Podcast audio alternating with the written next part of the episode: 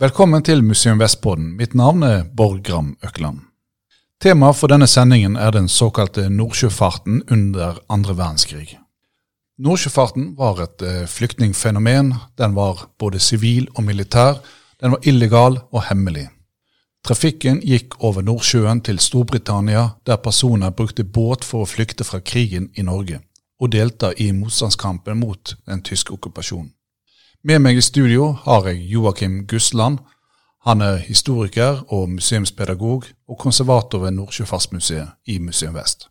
Der dokumenterer og forsker og formidler han både Nordsjøfarten og tragedien i Telavåg, som var nært knyttet til selve Nordsjøfarten.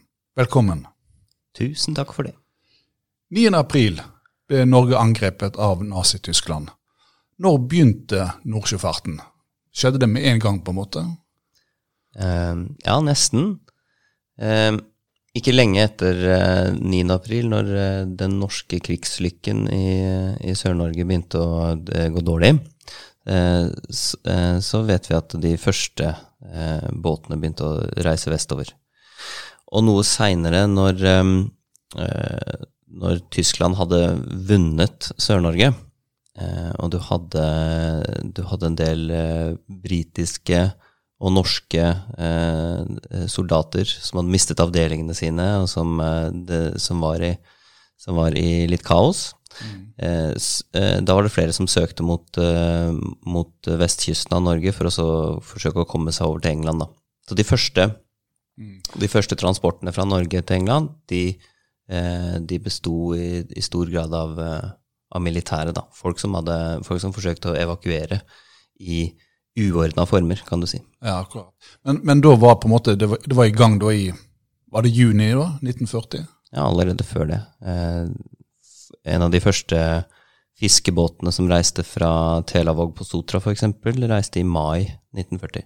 Så, så veldig, veldig tidlig det kom jo etter hvert ganske mange flyktninger eh, fra, fra, Norge til, til Storbritannia. Men, men, var dette her unikt norsk fenomen, vil du si? Altså, så kom det flyktninger fra andre land òg? Ja, det gjorde det jo. Altså det, det å flykte fra, fra tyskerne under, under andre verdenskrig mot uh, Storbritannia, det var jo ikke noe veldig typisk norsk fenomen, kan man si. Mm. Eh, ei heller det å bruke, bruke båt. Um, da var det over kanalen i Trondheim? Ja. Eh, det var hundretusenvis av sivilister som flykta fra, fra, Belgia, Nederland og Frankrike i, eh, i disse eh, mai-, juni-, juli-dagene i, i, 1940. Sånn at det, Storbritannia hadde en, en, veldig krevende flyktningkrise gående sommeren 1940. De hadde jo sine egne styrker som, hadde, som måtte evakuere over Dunkerque og ta vare på, samtidig som de hadde en influks av hundretusenvis av, av flyktninger fra, eh, fra Europa. Eh, og, og, noen av disse var, var norske, da. Eh, men når vi, når vi, ser på tallene på båtflyktninger, altså folk som, som tok seg over fra, fra Europa til, eh, til, England med båt, så, så er de norske tallene for så vidt små. Eh, i størrelsesorden sånn eh, opp mot 6000 hvis hvis, hvis vi teller stort. Eh, mens bare i de første månedene fra Belgia så kom det vel kanskje 50 000 mennesker. Mm. Eh, så, eh, så, antallsmessig er det, er det, små, men det er en del andre ting ved det norske fenomenet som er spesielt, da. Mm. Men hva vet vi om på en måte motivasjonen til de som eh, reiste fra Norge over? Ja, For det meste så var motivasjonen eh, eh prega av motstand, kan vi si, eller kamplyst. Eh, de fleste som reiste, var eh, unge menn i stridsdyktig alder, og de, og de, reiste med en formening at de skulle forlate Norge for å kunne fortsette kampen mot, eh, mot Nazi-Tyskland. Ja, det var jo på en måte den politiske linja som som den norske eksilregjeringa hadde tatt. De flykta, fra, de flykta fra landet da krigen i Norge var tapt, men de erklærte at eh, krigen ikke var over, de skulle fortsette kampen utenfra de norske grensene. Eh, og det var, det var også på mange måter det som trakk eh, disse flyktningene ut av, ut av Norge. Et ønske om å eh, fortsette kampen et annet sted.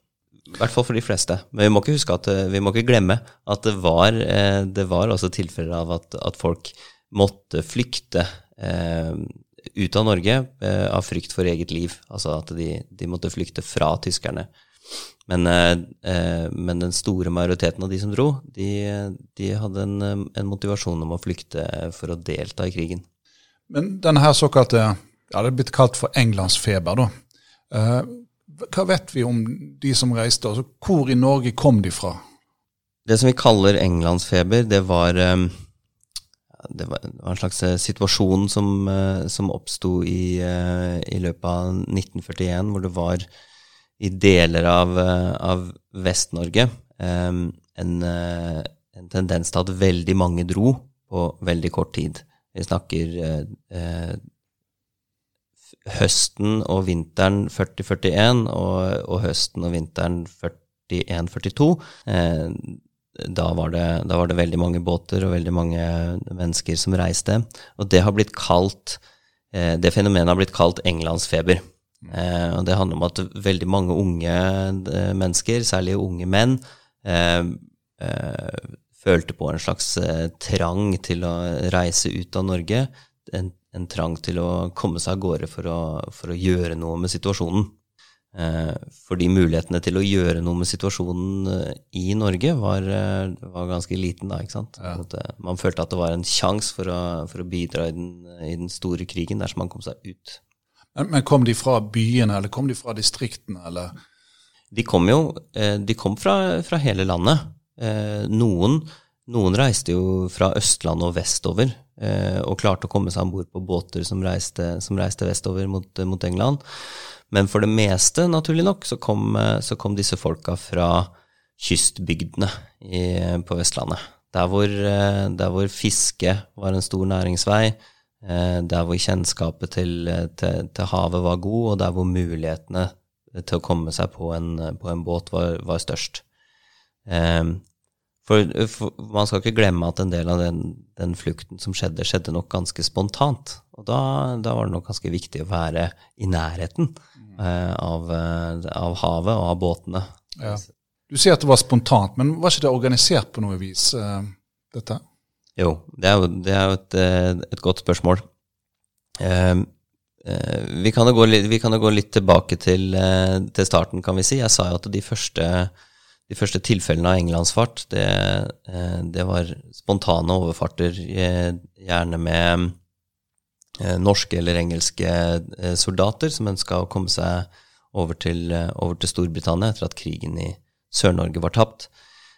Men etter hvert som, som det oppsto og vokste fram forskjellige typer motstandsorganisasjoner i, i Norge, så begynte disse organisasjonene også å organisere transporter over til, eh, over til, Storbritannia. Fordi eh, denne, eh, denne eh, koblinga mellom, eh, mellom, Norge og Storbritannia over Nordsjøfarten var, et, var en viktig rute, en viktig måte for motstandsorganisasjonene å holde kontakt med norske myndigheter, britiske myndigheter, og også holde kontakt med andre norske motstandsorganisasjoner.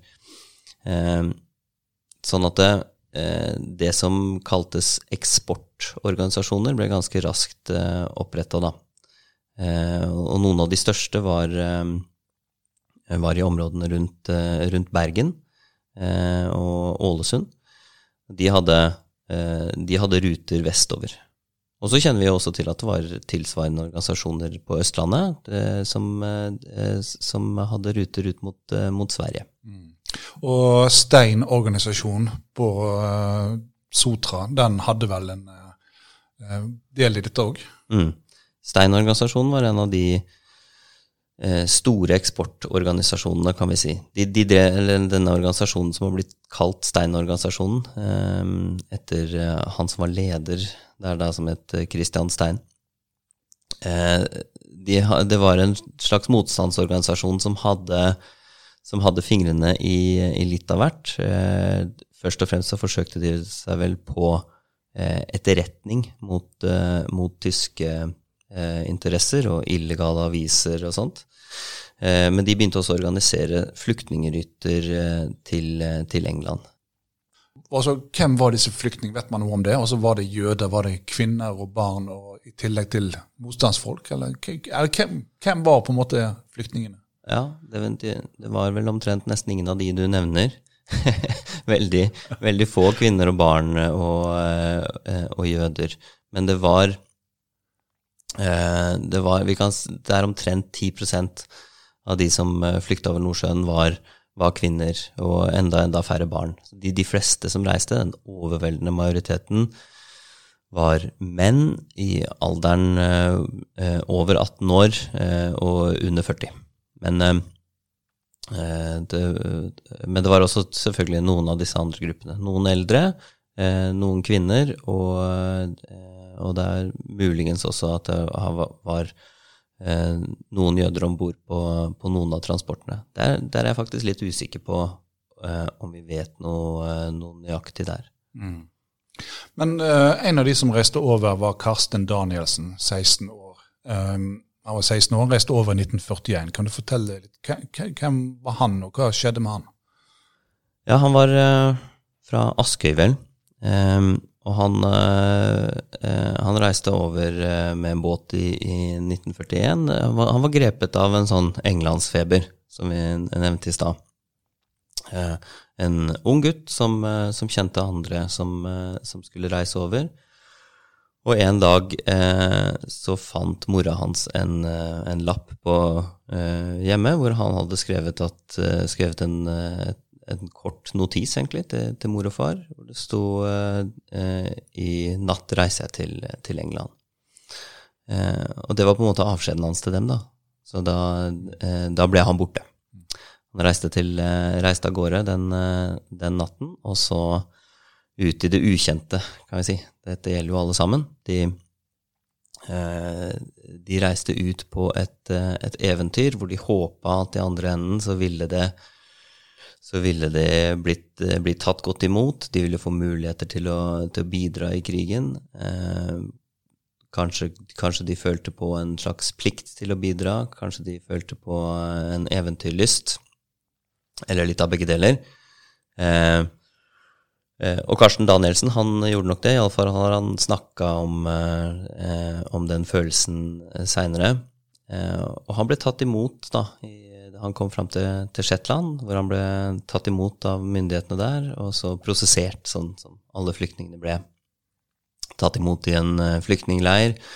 Fått, eh, fikk tak over hodet og mat, og så ble han avhørt. og senere sendt til London, og så Eh, og, og der, ble, der, fikk de da noe å gjøre. Det, og dette noe å gjøre, det kunne jo være så mangt. De, eh, de fleste av disse som reiste ut på eventyr, de ønska nok å bli eh, verva inn i de militære styrkene. Eh, og det skjedde med, med mange av dem. Eh, når Norge hadde både hærstyrker og, og, marinestyrker og etter hvert et, et lite luftvåpen eh, under, de, under, de, allierte styrkene, som alle sammen rekrutterte fra, fra norske flyktninger. Men den aller, aller viktigste eh, og nyttigste eh, grenen man kunne havne i, det var handelsflåten. Eh, og der havna Karsten Danielsen. Eh, han var jo en gutt på 16 år, så han, eh, hans vei inn i Eh, inn i det militære var nok eh, vanskelig. Han var nok litt for ung. Eh, men han ble byssegutt på en, en tankbåt som gikk i, gikk i, fart på Atlanteren. Og det var jo langt ifra så glamorøst og spennende som han hadde ønska seg. Mm. Så han, det, han har jo fortalt at han angra bittert, da, ikke sant. Noen ganger når du sitter der i, i den mørke byssa eh, i konvoifart, så, så var neppe livet livet så lystig og eh, eventyrlig som han hadde forestilt seg den, den natta da han eh, reiste fra Skøy. Ja, og med den risikoen som konvoifarten hadde for ubåtangrep òg. Eh, ja, men det er en del av det eh, Vi ser jo på denne når vi, sitter i, når vi sitter i Norge og så forteller om denne englandsfarten, så er det jo, så er det jo et preg av eventyr og myte og heltemot eh, og sånt over denne fortellinga. Ikke sant? Er, eh, fordi vi veit jo at eh, mange av disse som reiste, de, de, opplevde mye spennende, og noen fikk anledning til å være helter. men det gjaldt jo ikke alle, ikke sant? men jeg tror at alle som reiste ut, eh, reiste på et eventyr hvor de, eh, hvor de hadde enkelte forhåpninger. Eh, men, de, men, de, måtte også ta et sånt eh, et eh, sprang ut i det ukjente. Fordi det skal ikke underslås at denne aktiviteten var ekstremt farlig. Eh, man måtte krysse Nordsjøen, helst i mørket, helst på vinteren Eh, uten å bli oppdaga av eh, fiendtlige styrker. Eh, gjerne i ganske små fiskebåter som, som, måtte tåle overfarten. Altså de måtte, de måtte tåle det ganske strenge havet på, på, Nordsjøen. Så skulle man komme i land et sted hvor man ikke kjente noen, og så forhåpentligvis da, ikke sant, finne veien inn i disse i dette eventyret man hadde forestilt seg. Men ingen av dem visste hva de gikk til, og ingen av dem visste når de kunne komme hjem igjen. Mm. Karsten Danielsen, da han dro, så visste jo ikke han at krigen skulle være over i 1945. Mm. Han reiste en kveld i 1941. Eh, kanskje han trodde at krigen ville være kort, kanskje han trodde at den ville være lang. Han, han ante ikke. Og idet han reiste, idet han satte beina på båten og forlot norskekysten, så brøt han all kontakt med Norge. All kontakt med familien sin. Han kunne jo ikke sende, sende post eller, eller, ringe eller sende en telegraf fra, fra, Storbritannia til det okkuperte Norge. Det var umulig. Så vanlige sivilister hadde ikke mulighet til å, eh, til å holde kontakt eh, underveis i krigen. Så alle disse unge mennene som forsvant i Englands fart, Eh, de ble borte for familiene sine i, i de årene fram til, de, fram til, 1945, hvor man da kunne eh, finne ut hva som hadde skjedd med dem. Du nevnte at eh, fiskebåter ble brukt i overfarten. Vet vi noe om hva farkoster som var vanlig å bruke gjennom krigen, skulle jeg til å si? Og jeg, men jeg har hørt en gang at til og med kajakker har vært brukt. Ja, ja, om, om, fiskebåter så kan man jo si det at de hadde jo eh, eh, Det er ganske naturlig at fiskebåter ble brukt. Eh, for det første var det jo veldig, veldig mange av dem langs norskekysten. Det var den viktigste næringsveien eh, eh, i, på norskekysten. Så, eh, så det var rikelig med tilgang på, på, fiskebåter som var sjødyktige nok til å krysse Nordsjøen. I tillegg så, så, var de også såpass vanlige ute på havet, eh, fordi fiske måtte foregå. Selv om Norge ble okkupert av Tyskland, så ble, så ble ikke nordsjøfisket stengt, fordi det var av avgjørende viktighet å, å levere fisk både til det norske og tyske markedet for, for mat. Så at eh, fiskeflåten var i operasjon, og derfor var det jo mulig å bruke disse båtene. Eh, når det kommer til variasjon i, i, type fartøy, så kan man jo si at det var eh, alt mulig rart som ble brukt. I den tidligste tida så var det en del eh, frakteskip som, eh, som flykta. Vanlige fraktebåter som lå i norsk havn, som så sitt snitt til å reise fra Norge over til, eh, over til Storbritannia. Eh, på Nordsjøfartmuseet, hvor jeg jobber, så har vi en, eh, en liten Åfjords sekshæring. Det er en, eh, en, robåt på en eh, litt over ti meter, som, med, med, plass til, til seks årer, da. Som ble rodd og seila av, av, to menn over fra, fra Stad til, til Shetland. Men det er også rapporter om at, uh, som du sier, at uh, noen forsøkte å um, ta en kajakk uh, fra Fana ut mot, ut, mot, Shetland. det ble brukt seilbåter. fra Sørlandet så var det en god del fart med snekker. Vi kjenner jo til de gode, gamle tresnekkene som er populære på, på Sørlandet. Enkelte av de ble brukt mm. over til England. Man tok på en måte det man hadde også, uh, tilgjengelig. Ja, det handla litt om hvor, uh, hvor risikovillig man var. ikke sant? eh, å, sette, å sette ut over Nordsjøen i en kajakk. Det, er ikke, det er ikke bare bare. Mm. Eh, og når det gjelder den kajakken, så er det ingen rapport som tilsier at, at den kom fram. Så, eh, eh, og det er jo også et, en del av bildet her. Enkelte av disse båtene gikk jo ned. Det må jo ha vært en ganske høy risiko for, eh, for de som deltok. Um, og tyske fly går ut ifra må jo ha vært uh, en trussel her. Uh, men til og med været kunne slå ut. Ja.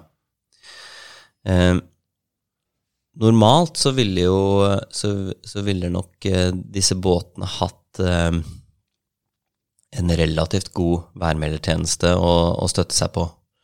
Uh, ikke så bra som vi har, har nå, selvfølgelig, men, det, men en, en, viss værmeldetjeneste fantes det også før krigen.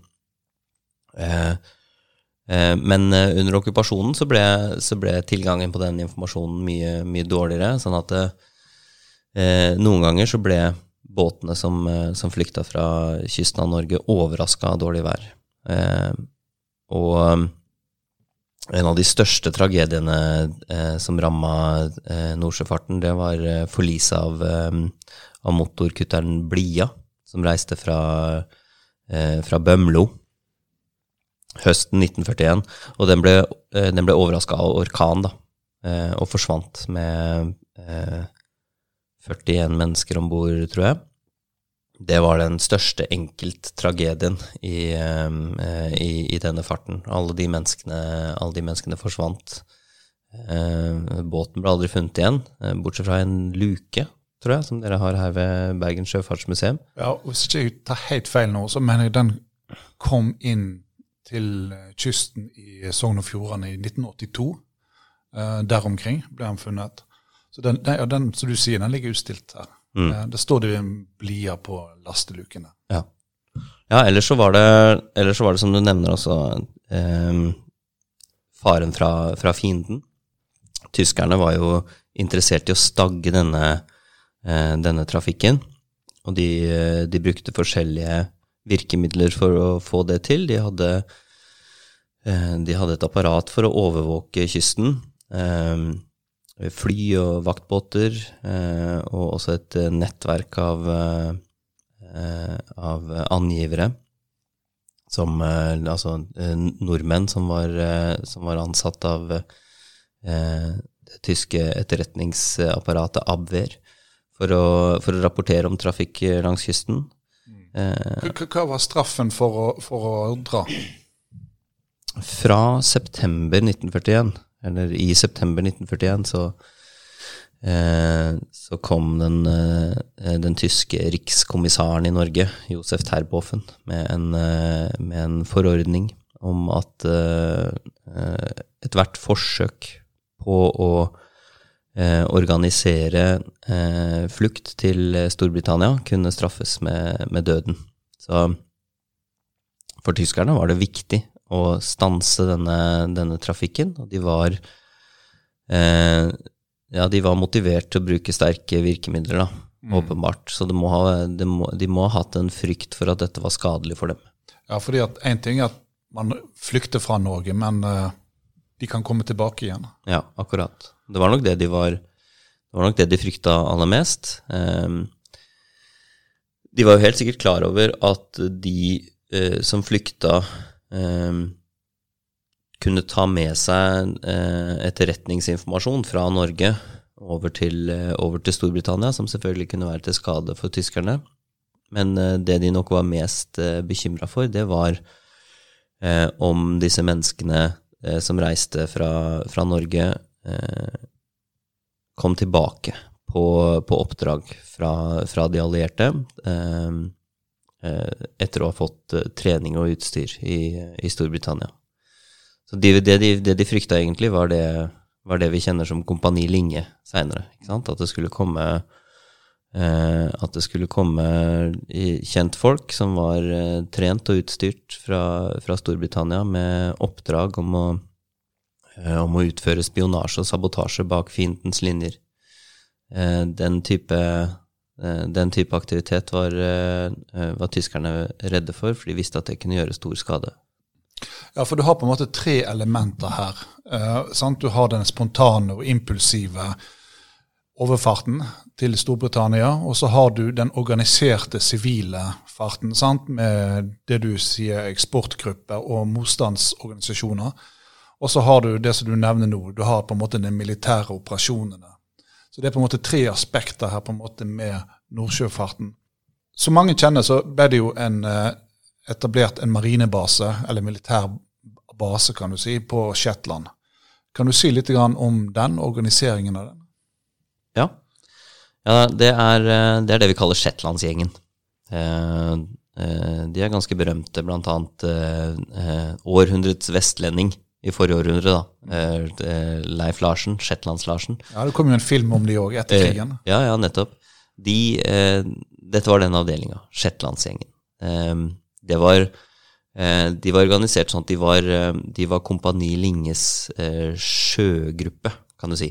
Altså de de, eh, den norske spesialavdelingen, eh, eller den norske seksjonen av det som het Special Operations Executive, som var en britisk spesialavdeling, eh, fikk, til, fikk tilnavnet Kompani Linge etter hvert. Og, og deres, deres, sjøgruppe var stasjonert på Shetland og het, ble kalt Shetlandsgjengen.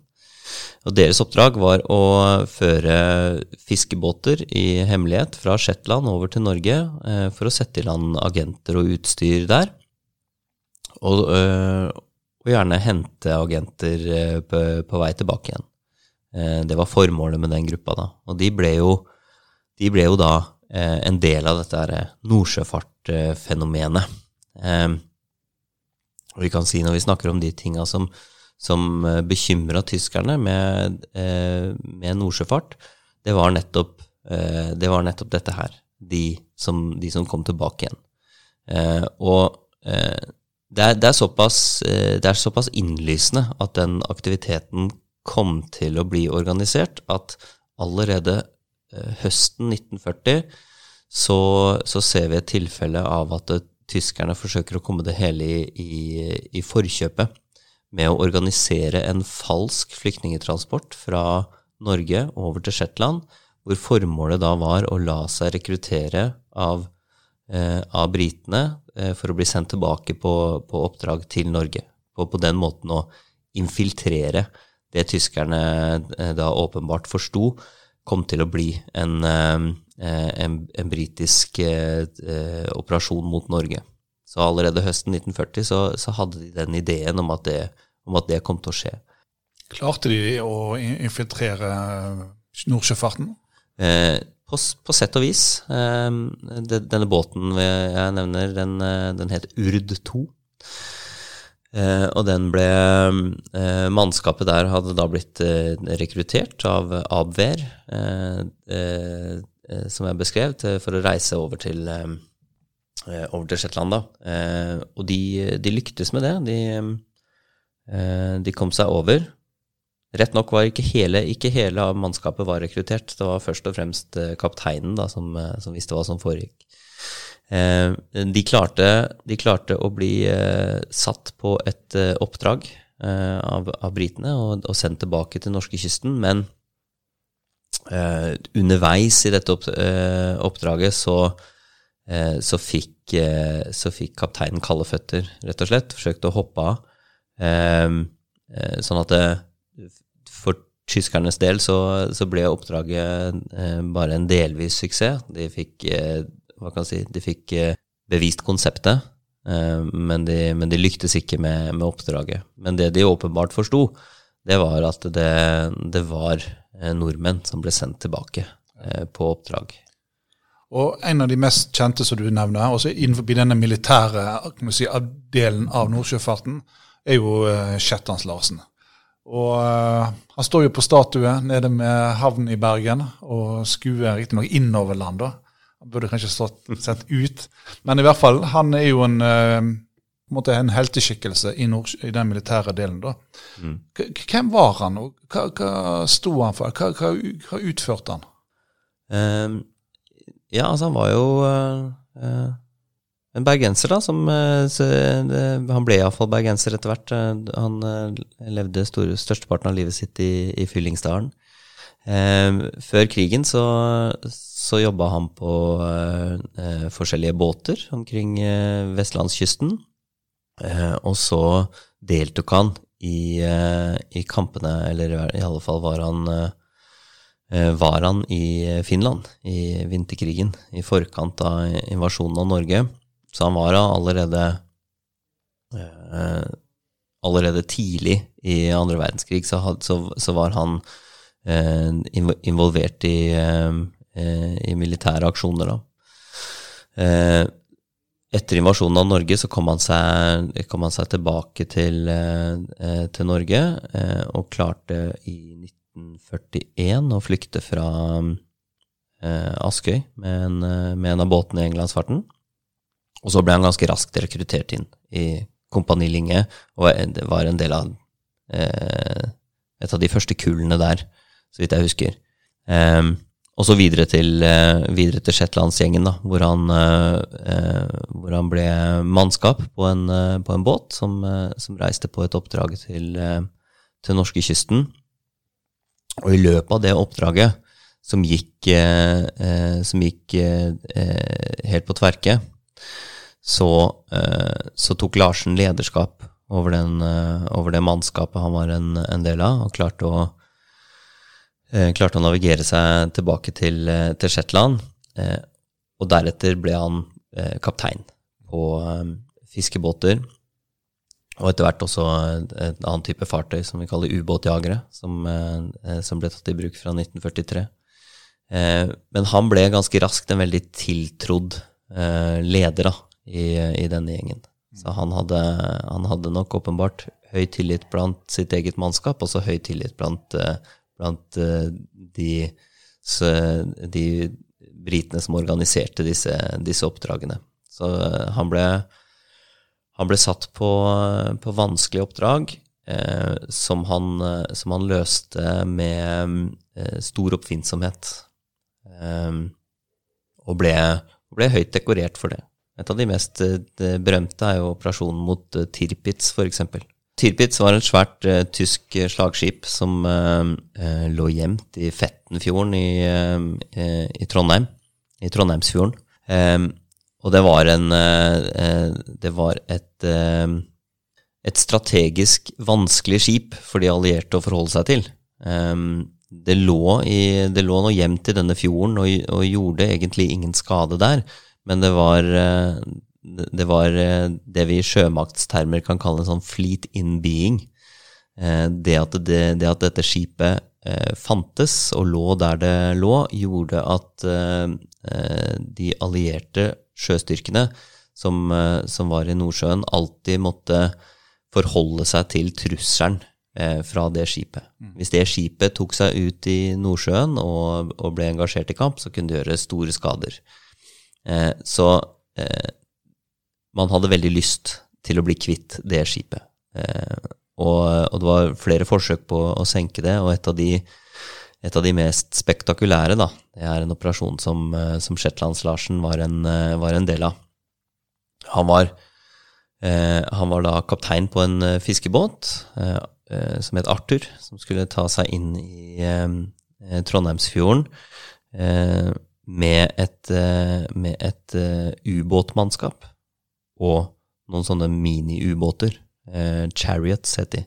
Eh, små ubåter som fikk plass om bord på en fiskebåt, som kunne, eh, som kunne bli bemanna av én mann, som kunne frakte eh, sprengstoff da, fram til skroget på, på Tirpitz. Så planen var å ta seg inn i Trondheimsfjorden og så eh, eh, sette disse to eh, britiske ubåtmannskapet i, i miniubåtene, og så kjøre bort til, til Tirpitz, plassere sprengstoff, og så, eh, og så sprenge høl i skroget og få uskadeliggjort den båten.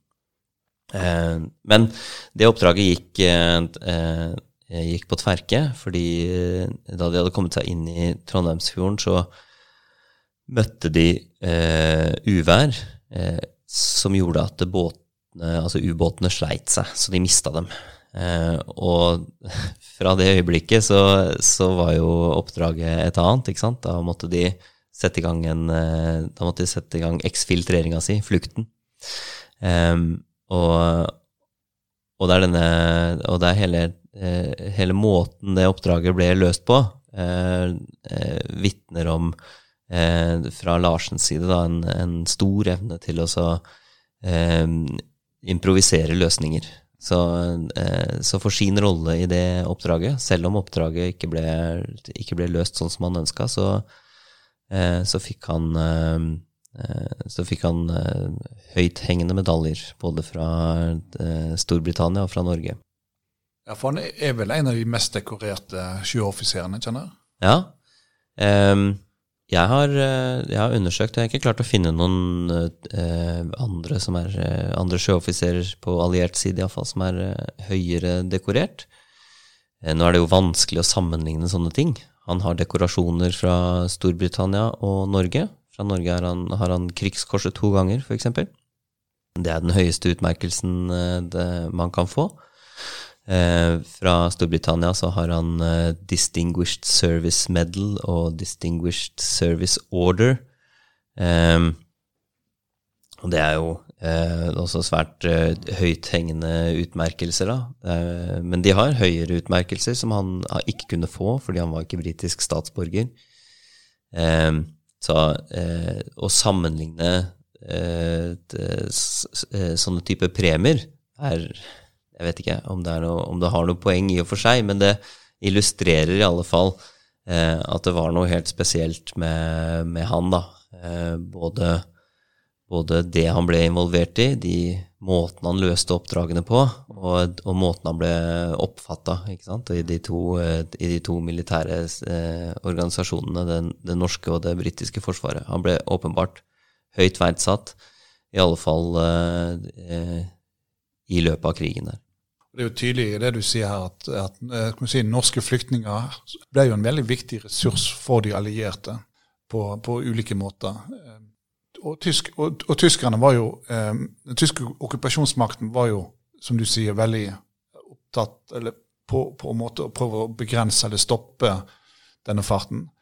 Men det førte jo òg til store tragedier på land. Da tenker jeg på Telavåg-tragedien hva var som var forspillet opp mot det som skjedde i Telavåg? Mm. Ja, vi, vi, nevnte jo det med at uh, i september 1941 så erklærte Terboven at uh, uh, Englands fart var ulovlig og kunne straffes med døden. Og Eh, og vi, vi, nevnte jo også det at tyskerne hadde forskjellige virkemidler for å, eh, for å forsøke å, ta knekken på, på denne typen aktivitet, bl.a. at de forsøkte å infiltrere trafikken. Eh, og i løpet av 1941 eh, eh, og vinteren mot 1941 og 1942 så hadde eh, Abwehr, altså det tyske etterretningsapparatet, og Gestapo, det hemmelige tyske politiet, eh, en del suksesser når det, når det, gjaldt det, å infiltrere denne englandsfarten. I, eh, I Ålesund, blant annet, så klarte de å infiltrere en eh, eksportgruppe eh, og, og, fange en båt som var på vei, eh, på vei ut mot England. Eh, og, og, der fikk de arrestert 18 stykker om bord i denne båten. Uh, ute i mai 1942 så, så, klarte de å sprenge den tidligere nevnte Stein-organisasjonen. Uh, I det som har vært en stor operasjon, uh, hvor over 200 mennesker ble arrestert og sendt av gårde i, i fangenskap. ganske mange av dem som sånne natt- und Nebel-fanger. altså et natt og tåke som skulle forsvinne i det, i det tyske leirsystemet. Eh, og så har man den, liksom den, den, eh, den, største komprimerte tragedien av, eh, av dem alle, som, som, vi kaller Telavåg-tragedien. Som, som, også er knytta til, til, denne nordsjøfarten. Da. Og I Telavåg så ble, så ble to agenter fra Kompani Linge, som var satt i land der av Shetlandsgjengen, de ble oppdaga av det norske statspolitiet, som meldte fra til, til Gestapo som reiste ut til Telavåg fra Bergen da, for å, eh, for å arrestere det de trodde var eh, noen som skulle ta seg over til, til England. De gikk inn på et loft i, i Telavåg hvor det, hvor det lå gjemt to menn. Eh, og der eh, ble det en skyteepisode. Det viste seg jo at disse to, to mennene var eh, soldater fra Kompani Linge. De var bevæpna, eh, og de eh, åpna ild mot tyskerne da de tok seg inn på, på rommet der de sov. Eh, og enden på visa der var at eh, en av de norske agentene ble drept, han andre ble hardt skada, og så var det to tyske Gestapo-offiserer som, som, var drept i denne, i denne trefninga på dette loftet. Og da hadde den eh, eh, Telavåg-saken, den affæren, hadde eskalert eh, til å bli nettopp det tyskerne hadde frykta, med, eh, med, denne trafikken over, over Nordsjøen. Nå hadde, eh, nå hadde beviselig eh, noen mennesker i et lokalsamfunn samarbeida med tyskernes fiender, samarbeida med britene om å holde agenter skjult eh, i en eh, operasjon som endte med at tyske liv gikk tapt. Eh, og, og, tyskerne bestemte seg eh, ganske raskt for å gjengjelde eh, denne, eh, denne, hendelsen veldig brutalt. Hvis du kort skal si på en måte den tyske reaksjonen, beskrive den, hva gikk den på? Ja. Um, denne skyteepisoden den skjedde 26. april eh, 1942, og 30. april så eh, gjesta Terboven Bergen og Telavåg. Da ble de tyske agentene begravet, og så reiste et stort følge ut til, ut til Telavåg, hvor de satte i gang med, eh, med represaliene sine. Da. Der eh, arresterte de alle de, eh, de voksne mennene Eh, og eh, tok dem bort fra bygda, og så eh, satte de i gang med, med ødeleggelsen av, av Telavåg. Så de begynte, å, de begynte å sprenge hus, og etter hvert så arresterte de Jevne hele Ja, de skulle jevne hele Telavåg med jorda. så det, først så arresterte de alle mennene og tok dem bort derfra. og så i løpet av noen dager så, så arresterte de alle, alle resten kvinner og barn. Altså den yngste var fire måneder gammel, og den eldste var eh, over 90 år. Altså mennesker som overhodet ikke hadde vært involvert i denne eh, såkalte forbrytelsen som hadde foregått. Ja, for Her skulle du statuere et eksempel. Ja, ja. Dette var åpenbart en, eh, en represalie som skulle ramme hele lokalsamfunnet, og ikke bare de som hadde gjort seg skyldig i dette samarbeidet med fienden. Eh, mennene de ble sendt til eh, konsentrasjonsleire i, i Tyskland, mens kvinner og barn ble sendt i fangenskap, først i Bergen og senere ut i Hardanger, et sted som heter Framnes. Og så ødela de hele Telavåg. De jevna hvert eneste hus med jorda. Det slapp alle dyr løs og tok bort alle båter, ødela bryggene. Ingenting var igjen. Så Telavåg ble gjenreist etter krigen, da, men, og veldig mange flytta tilbake. Men eh, eh, den tyske represalien kan vi si var helt total. De fjerna eh, hele stedet. Både, både befolkninga og, og, bygningene.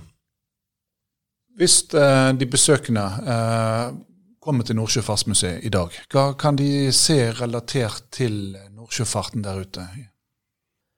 Ja, da har vi jo eh, en slags sånn tvillingtema da, på, på Nordsjøfartmuseet. Det ene er jo at museet skal eh, dokumentere og forske på og formidle eh, nordsjøfarten. Altså denne eh, trafikken som vi har, eh, snakka om i, i podkasten nå.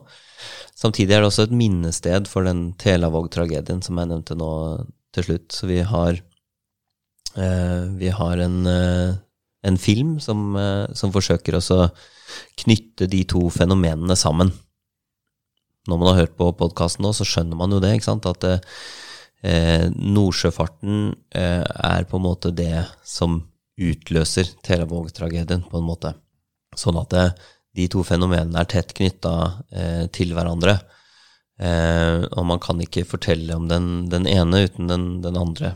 Eh, så, så vi, for, vi, forsøker å gjøre det gjennom, gjennom en film, og så to eh, utstillinger. Den ene som er fokuserer på Telavåg sin skjebne og de menneskene som, eh, som, bodde der, og en annen utstilling som handler mer om den eh, store nordsjøfarten. Fordi eh, nordsjøfarten var, eh, var et fenomen som strakte seg over hele norskekysten. Fra, fra omtrent Kristiansand i sør til, eh, til helt opp mot Lofoten så reiste folk eh, vestover med, med båt for å flykte fra Norge. Og samtidig mottok de trafikk fra, eh, fra vest. da.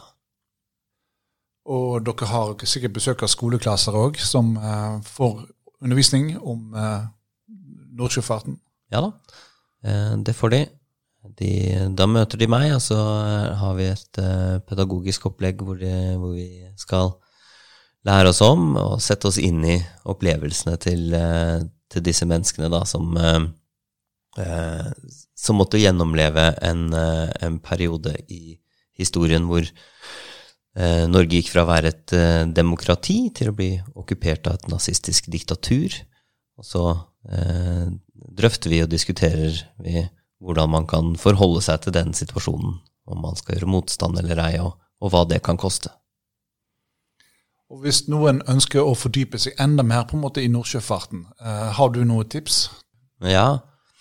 Eh, dette har jo dette har blitt dokumentert selv om Eh, eh, ikke så lenge etter andre verdenskrig så ble en stor del av, av arkivmaterialet som omhandler den flyktningetrafikken til, eh, til, England, den ble destruert av plasshensyn. Ja, det går kaldt nedover ryggen på enhver historiker når man hører sånt. Eh, men det, det, finnes fortsatt, det finnes fortsatt arkivmateriale fra, fra London hvor man, har, hvor man har dokumentert disse innkomne flyktningene. da.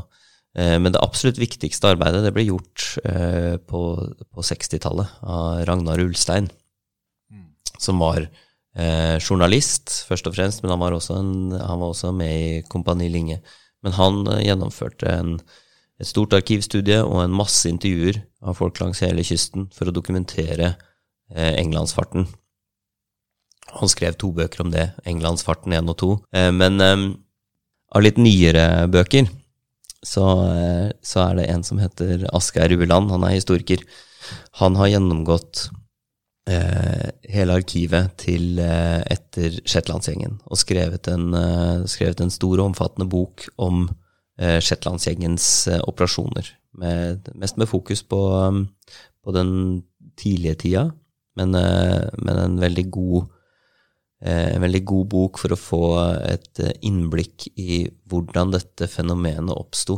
Både det som handler om englandsfarten, men også det som handler om den militære organiseringa av, eh, av Shetlandsgjengen.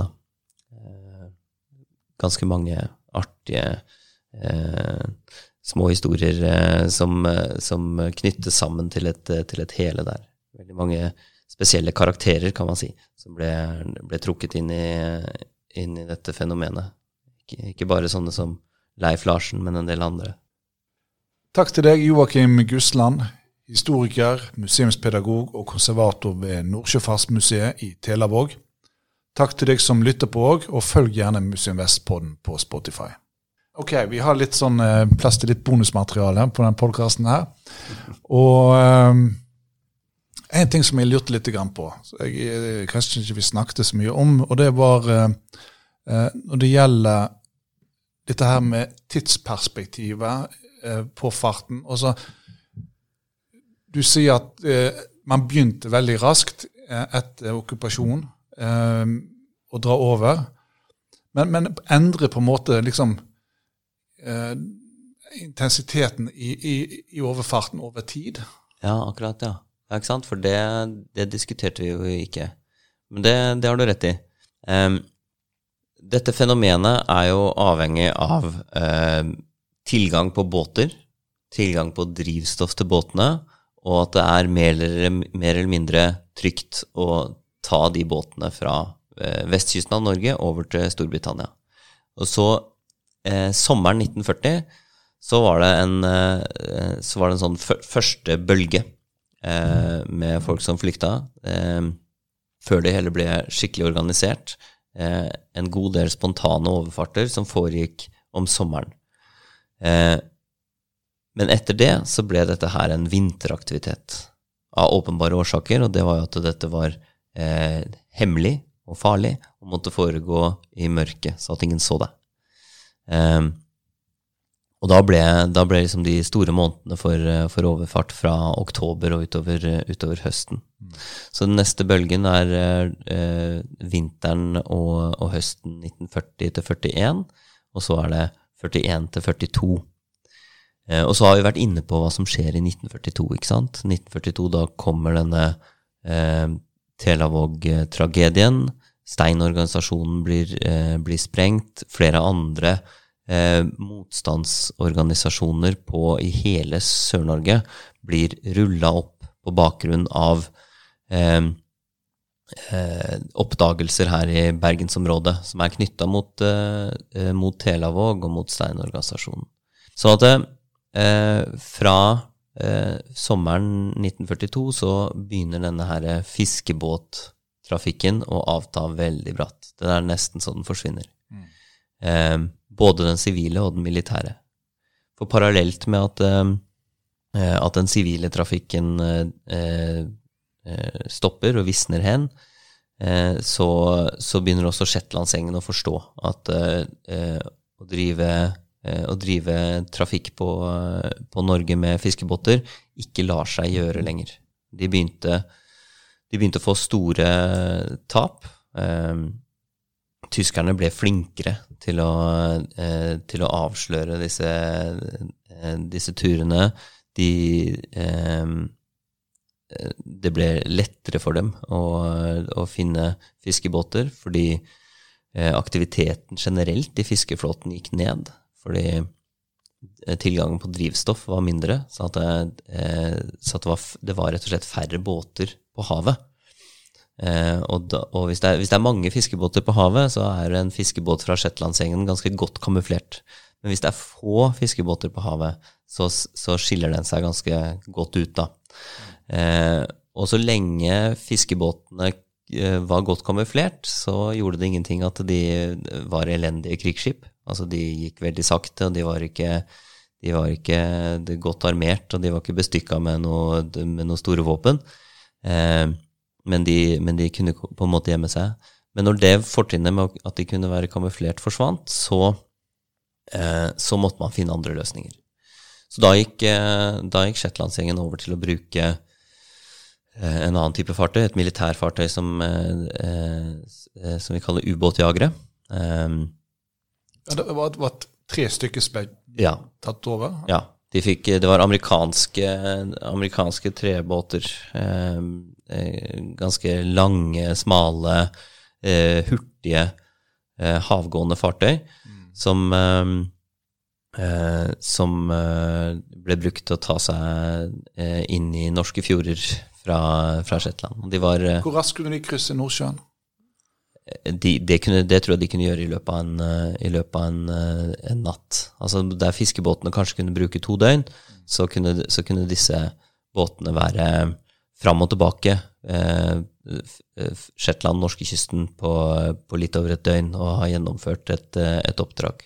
Og da, et, etter at du fikk disse ubåtjagerne inn, Hitra er vel kanskje den som fremdeles finnes stadig, mm. så, så, så, så, hadde man ikke tap, eller? Eh, nei, de, de, båtene het eh, Hessa, Hitra og Vigra. Eh, Leif Larsen var kaptein på, på Vigra. Eh, og etter at disse ble, ble satt i, i, fart over Nordsjøen, ja, så gikk, eh, så gikk suksessraten til Shetlandsengen eh, opp, og tapene gikk ned. Så de var, eh, de var veldig godt egna til, til, den typen trafikk. da. Så de kunne, de kunne, ta seg raskt inn til et kontaktpunkt ganske langt inn i norske fjorder. Hvis man kjenner litt hvis man kjenner til litt eh, geografi på Vestlandet, så, eh, så, var det sånn at de tok seg dypt inn i Massfjorden, f.eks., som er en, en lang fjord. Eh, og, og, leverte eh, ganske mye utstyr eh, og personell til, til, motstandsstyrkene som var i oppbygning der, da. Takk igjen til deg, Joakim Gusland.